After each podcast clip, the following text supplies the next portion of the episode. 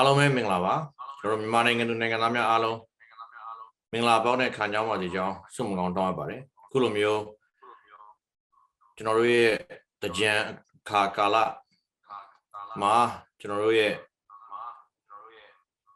NUG မြို့သားညီညွတ်ရေးအစိုးရဖွဲ့စည်းခဲ့တာ16ရက်နေ့ဆိုလို့ရှိရင်တစ်နှစ်ပြည့်ပါပြီအဲ့ဒီလိုမျိုးဖွဲ့စည်းခဲ့ပြီးတဲ့နောက်ပိုင်းမှာကျွန်တော်တို့ရဲ့ ဆက်သွယ်ရေးသတင်းအချက်အလက်နဲ့ဤပညာဝန်ကြီးဌာနဆိုပြီးတော့ကျွန်တော်တို့ဂျွန်လ9ရက်နေ့မှာစတင်ပြီးတော့ဖွဲ့စည်းခဲ့ပါတယ်အဲ့ဒီအတွက်ကြောင့်မလို့ကျွန်တော်တို့ရဲ့အခုဝန်ကြီးဌာနက10လကျော်လွန်လာခဲ့ပြီဖြစ်ပါတယ်ကျွန်တော်ကတော့ကျွန်တော်တို့ဆက်သွယ်ရေးသတင်းအချက်အလက်နဲ့ဤပညာဝန်ကြီးဌာနမှာဝန်ကြီးတာဝန်ယူထားတဲ့ဦးတင်လဲအောင်ဖြစ်ပါတယ်ကျွန်တော်တို့ဝန်ကြီးဌာနစတင်ပြီးတော့ဖွဲ့စည်းခဲ့တဲ့အချိန်ကနေစပြီးစပြီးတော့ အခုဆန်ဆယ်လတာကာလမှာကျွန်တော်တို့အနေနဲ့လှုပ်ဆောင်ခဲ့တဲ့ချက်လက်တွေကိုကျွန်တော်တို့ပြည်သူလူထုစီကို တင်ပြစီရင်ခံသွားမှာဖြစ်ပါတယ်ပထမဦးဆုံးအချက်အနေနဲ့ကျွန်တော်တို့ဝန်ကြီးဌာနရဲ့ဖွဲ့စည်းပုံလေးကိုတင်ပြလိုပါတယ်ဝန်ကြီးဌာနကိုကျွန်တော်တို့ဌာနကြီး၄ခုနဲ့ဖွဲ့စည်းထားတာဖြစ်ပါတယ်စာရိုက်နဲ့ဆက်သွယ်ရေးဌာနပြည်သူဆက်ဆံရေးနဲ့မီဒီယာဆက်သွယ်ရေးဌာန တရင်ချက်လက်ဤပညာနဲ့စိုက်ဘာလုံခြုံရေးဌာနစီမံရေးနဲ့ဗန္နာရေးဌာနဆိုပြီးတော့ဌာနကြီး၄ခုနဲ့ကျွန်တော်တို့ဖွဲ့စည်းထားတာဖြစ်ပါတယ်ဒီဌာနကြီး၄ခုကအခုဆိုလို့ရှိရင်တော်တော်ကိုအင်အားကောင်းကောင်းနဲ့လည်ပတ်နေပြီဆိုတာကိုလည်းမိဘပြည်သူများကိုအသိပေးလိုပါတယ်ကျွန်တော်တို့အနေနဲ့ဘာတွေလုပ်နေခဲ့တယ်လဲဘယ်လိုအဆင့်တွေရောက်နေလဲဆိုတဲ့ခြေအနေကိုလည်းတင်ပြသွားဖို့ရှိပါတယ်ပ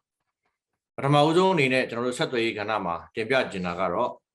ဆက်သွယ်ဆက်သွယ်ရေးဖြတ်တောက်ခံရမှုတွေနဲ့ပတ်သက်ပြီးတော့မိဘပြည်သူများကိုအသိပေးလိုခြင်းဖြစ်ပါတယ်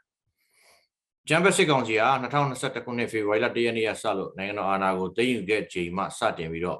အင်တာနက်နဲ့ဖုန်းလိုင်းတွေကိုဖြတ်တောက်ခဲ့တာတွေလူမှုကွန်ရက်သုံးစွဲတာတွေကိုကန့်သက်ထိန်းချုပ်တာတွေကိုစတင်လုပ်ဆောင်ခဲ့ပါတယ်ပြည်သူများသုံးစွဲနေတဲ့အင်တာနက်လိုင်းတွေဖုန်းလိုင်းတွေပေါ်မှာစောင့်ကြည့်ထိန်းချုပ်တာတွေနဲ့အတူ အပြစ်မဲ့ပြည်သူတွေကိုဖမ်းဆီးချုပ်နှောင်တာတွေကိုဆိုးရွားစွာလှုပ်ဆောင်လျက်ရှိတာပြည်တော်ပြည်သူများအသိဖြစ်ပါတယ်။ American နိုင်ငံ Freedom House Organization ရဲ့လေ့လာစောင့်ကြည့်ချက်တွေအရဆိုလို့ရှိရင်မြန်မာနိုင်ငံရဲ့အင်တာနက်လွတ်လပ်ခွင့်ဟာ2021ခုနှစ်အာဏာသိမ်းပြီးနောက်ပိုင်းမှာအဆင့်31ကနေပြီးတော့အဆင့်19ကိုကျဆင်းသွားတယ်လို့ဖော်ပြထားတာတွေ့ရပါတယ်။ပြည်သူခုခံဒေါ်လာစစ်တွေအရှိန်အဟုန်မြင့်အားကောင်းနေတဲ့ဒေသတွေ EAO ERO နယ်မြေစိုးမိုး မှုတွေဒေသတွေအဲနယ်မြေစိုးမိုးထားတဲ့ဒေသတချို့မှာသတင်းချက်လက်စီးဆင်းမှုမရှိစေဖို့အတွက်စစ်ကောင်စီကနေပြီးတော့အင်တာနက်လိုင်းတွေကိုအလုံးစုံဖြတ်တောက်ထားတာလည်းတွေ့ရှိရပါတယ်။ပြည်သူလူထုဟာရတဲ့ရလိုက်တဲ့အခြေခံလူ့အခွင့်အရေးဖြစ်တဲ့လွတ်လပ်စွာဆက်သွယ်ခွင့်တွေကိုဆုံးရှုံးနေတဲ့အပြင်စောင့်ကြည့်ထိန်းချုပ်မှုများကနေပြီးတော့လည်းမတရားဖမ်းဆီးခံရတာအသက်အိုးအိမ်ပျက်စီးဆုံးရှုံးနေတာတွေကိုကြုံတွေ့နေရတာတွေကိုကျွန်တော်တို့သိရှိနေရပါတယ် အဲ့ဒီအတွက်ဆက်သွယ်ရေးဌာနရဲ့လှုပ်ဆောင်ချက်တွေကိုကျွန်တော်တို့ဆက်ပြီးတင်ပြရမယ်ဆိုရင်မိမိတို့ရဲ့ဝန်ကြီးဌာနအနေနဲ့စာရိုက်နဲ့ဆက်သွယ်ရေးဝန်ကြီးဌာနစာရိုက်နဲ့ဆက်သွယ်ရေးဌာနကိုဖွဲ့စည်းပြီးတဲ့နောက်မှာနိုင်ငံကဆက်သွယ်ရေးကုမ္ပဏီများဖွဲ့စည်းများနဲ့တွဲဆုံပြီးတော့ဆက်သွယ်ရေးလုပ်ငန်းကိစ္စတွေများအတွက်ဆွေးနွေးတိုင်ပင်မှုတွေဆောင်ရွက်ခဲ့ပါတယ်ဆက်သွယ်ရေးဌာနအောက်မှာ research and development လုပ်ငန်းတွေဆောင်ရွက်ပြီးတော့အဆင့်မြင့်နည်းပညာအသုံးပြုပြီးတော့ဆက်သွယ်ရေးကိရိယာများထုတ်လုပ်တတ်ဆင်ခြင်း ရရှိလာတဲ့နည်းပညာများကိုပြည်သူလူထုအုပ်ချုပ်ရေးအဖွဲ့များစီကိုပေးပို့ခြင်း EAO ERO data များအခြားသောမိဖက်အဖွဲ့အစည်းများနဲ့တင်နန်းများပြန်လည်ပို့ချခြင်းတို့ကိုဆောင်ရွက်နိုင်ခဲ့ပါတယ်။ဂျာကာလာအုပ်ချုပ်ရေးဆောင်ရွက်ရမှာလွယ်ကူလျင်မြန်စွာဆက်သွယ်နိုင်ဖို့အတွက်လိုအပ်တဲ့ဆက်သွယ်ပစ္စည်းကိရိယာများကိုတက်ဆင်ခြင်းထောက်ပံ့ခြင်းလုပ်ငန်းတွေကိုလည်းဆောင်ရွက်လျက်ရှိနေပါတယ်။ဒါအပြင်ကျွန်တော်တို့ရဲ့ အထူးစုံစမ်းထောက်လှမ်းမှုကနေရရှိလာတဲ့စစ်ကောင်စီရဲ့စစ်ကောင်စီနဲ့အဲစစ်ကောင်စီလက်အောက်ခံအဖွဲ့အစည်းတွေရဲ့စီကသတင်းတွေကိုစမ်းစစ်လေ့လာခြင်းခွဲခြားစိတ်ဖြာခြင်းပြီးရင်သတင်းတွေကိုကဏ္ဍအလိုက်သက်ဆိုင်ရာအဖွဲ့အစည်းများမိတ်ဖက်အဖွဲ့အစည်းများထံဖြန့်ဝေခြင်းကိုလည်းကျွန်တော်တို့ကဆောင်ရွက်လျက်ရှိပါတယ်နောက်တစ်ခါပြည်သူဆက်ဆံရေးနဲ့မီဒီယာကဏ္ဍကျွန်တော်တို့ ဆက်သွယ်ရေးဌာနအနေနဲ့တင်ပြရမယ်ဆိုရင်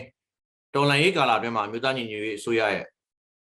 လှုပ်ဆောင်ချက်တွေအဖြစ်နဲ့တော်လန်ရေးသတင်းမှန်များပြည်သူလူထုထံကိုအချိန်နဲ့တပြေးညီပေးပို့နိုင်ဖို့အတွက်အမျိုးသားညီညွတ်ရေးအစိုးရရဲ့သတင်းနဲ့ပြန်ကြားရေးမဟာဗျူဟာကိုစနစ်တကျဖော်ဆောင်လျက်ရှိနေပါတယ်။သတင်းနဲ့ပြန်ကြားရေးမဟာဗျူဟာဖော်ဆောင်မှုအားကောင်းစေဖို့အတွက်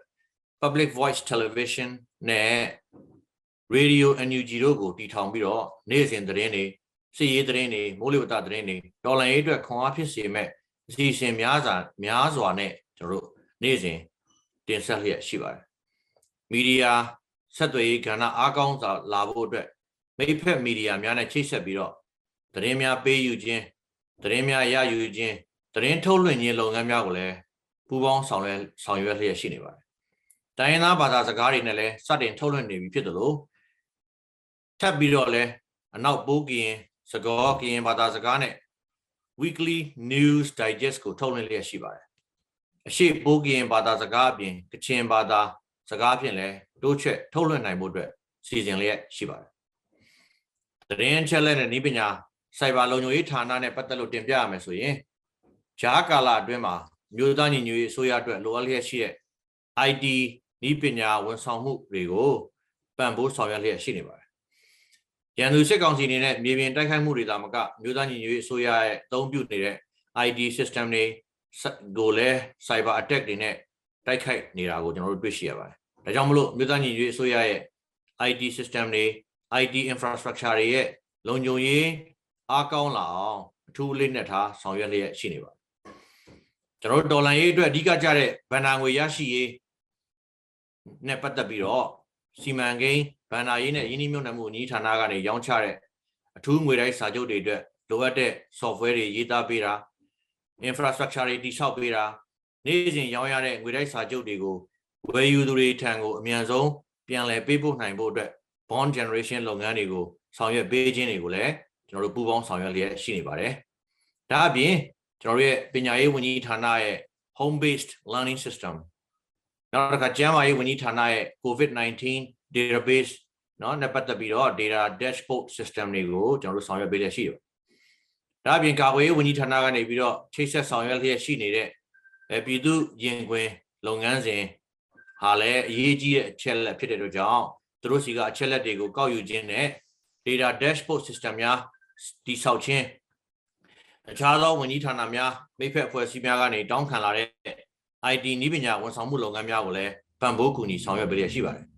ဒီနေရာမှာကျွန်တော်တို့အတွက်အဓိကအကြဆုံးကျွန်တော်တို့တော်လန်ရေးရဲ့အဓိကအကြဆုံးလုပ်ငန်းဖြစ်တဲ့ပြည်သူရင်ခွင်လုပ်ငန်းစဉ်မှာတော့ကျွန်တော်တို့အနေနဲ့ပုံမူပြီးတော့ချက်ထွင်ဆောင်ရွက်ရမယ့်လုပ်ငန်းတွေလည်းရှိနေတယ်ဆိုတာကိုကျွန်တော်တို့ပြောပြလိုပါတယ်ပြည်သူရင်ခွင်ဆိုတာကတော့ကျွန်တော်တို့အနေနဲ့စစ်ကောင်စီကိုစန့်ကျင်ပြီးတော့ CDM လောက်လာတဲ့ CDM စစ်သားတွေ CDM ရဲတွေကိုကျွန်တော်တို့အနေနဲ့ကြိုးစိုးခြင်းလုပ်ငန်းဖြစ်ပါတယ် ဒီလုပ်ငန်းကအင်မတန်မှအရေးပါတဲ့လုပ်ငန်းဖြစ်တဲ့အတွက်ကျွန်တော်တို့အနေနဲ့တို့ရဲ့ data တွေကောက်ယူမှုကိုလည်းကျွန်တော်တို့အနေနဲ့စနစ်တကျတိုးချဲ့ဆောင်ရွက်ပြီးတော့အကောင့်ထဲပေါ်လဲရှိနေပါတယ်နောက်ဆုံးဌာနဖြစ်တဲ့လူစွမ်းအရင်းမြစ်စီမံခန့်ခွဲမှုဌာနနဲ့ပတ်သက်ရင်ဝန်ကြီးဌာနရဲ့လုပ်ငန်းများရှင်ဟုံနဲ့လေပတ်ဆောင်ရွက်ဖို့အတွက်သက်ဆိုင်ရာတာဝန်လိုက်ကျွမ်းကျင်ပညာရှင်တွေအသိပညာရှင်တွေကိုကျွန်တော်တို့ကစနစ်တကျနဲ့ခန့်အပ်ထားရှိထားပါတယ်ဒါအပြင် အာနာဖီဆန်လှုပ်ရှားမှုမှာပါဝင်ခဲ့ကြတဲ့ CDM ဝန်ထမ်းတွေကိုလည်းမိမိတို့ဝန်ကြီးဌာနမှာတင့်လျော်တဲ့ယာဒူးများရဲ့ယာဒူးတာဝန်တွေကို ပြန်လည်ခန့်အပ်ပြီးတော့ကျွန်တော်တို့ CDM ဝန်ထမ်းတွေအတွက်အလုပ်ကိုင်ခွင့်လန်းတွေကိုဖန်တီးပေးနိုင်ခဲ့တယ်လို့စိတ်ပိုင်းဆိုင်ရာနှွေးထွေးလုံခြုံမှုကိုလည်းပေးစွမ်းနိုင်ခဲ့ပါတယ်ဒါကိုလည်းကျွန်တော်တို့ဆက်လက်ပြီးတော့လည်းဆောင်ရွက်လျက်ရှိနေပါတယ်နိုင်ငံတကာအဖွဲ့အစည်းများ INGO များရဲ့ပံ့ပိုးကူညီမှုနဲ့ သက်ဆိုင်ရာယာတိုးလိုက်သင်တန်းတွေပေးတာအလို့ယုံဆွေးနွေးပွဲတွေအဲစီစဉ်ပေးတာအဲ့ဒီလို့ယုံဆွေးနွေးပွဲတွေကိုတက်ရောက်စေတာဌာနတွင်းမှာလိုအပ်တဲ့ကျွန်တော်တို့ရဲ့သင်တန်းတွေစီစဉ်ပေးတာအစရှိသဖြင့်ဝန်ထမ်းတွေရဲ့စွမ်းရည်မြင့်တင်ခြင်းလုပ်ငန်းများကိုလည်းဆောင်ရွက်ပေးလျက်ရှိနေပါတယ်ကျွန်တော်တို့ဒါကတော့ကျွန်တော်တို့ဝန်ကြီးဌာနရဲ့လှုပ်ဆောင်ခဲ့တဲ့လှုပ်ဆောင်ချက်တွေကိုမိဘပြည်သူများကိုပြည်သူလူထုစီကိုအတိပေးတင်ပြခြင်းဖြစ်ပါတယ် အခုဆိုလို့ရှိရင်ပြည်သူလူထုကဒီတကြံကာလမှာအပြင်ကိုထွက်ပြီးတော့ရေကစားခြင်းမရှိဘဲနဲ့ကျွန်တော်တို့တော်လန်ရေးကိုဆက်လက်ပြီးတော့တော်လန်တကြံအဖြစ်နဲ့ပုံဖော်ပြီးတော့အိမ်ထဲမှာပဲနေပြီးတော့စစ်ကောင်စီရဲ့တကြံမှာဖိအားပေးပြီးတော့လှုပ်ဆောင်နေတဲ့စစ်ကောင်စီရဲ့တကြံမှာပါဝင်ခြင်းမရှိဘဲနဲ့တော်လန်တကြံဖြစ်ဆင်နွှဲနေတဲ့မိဘပြည်သူတွေကိုလည်းအထူးကျေးဇူးတင်ရှိကြောင်းပြောရင်းနဲ့ဒီကုန်းချုပ်ပါတယ်ရေးတော်ပုံအောင်ရမယ်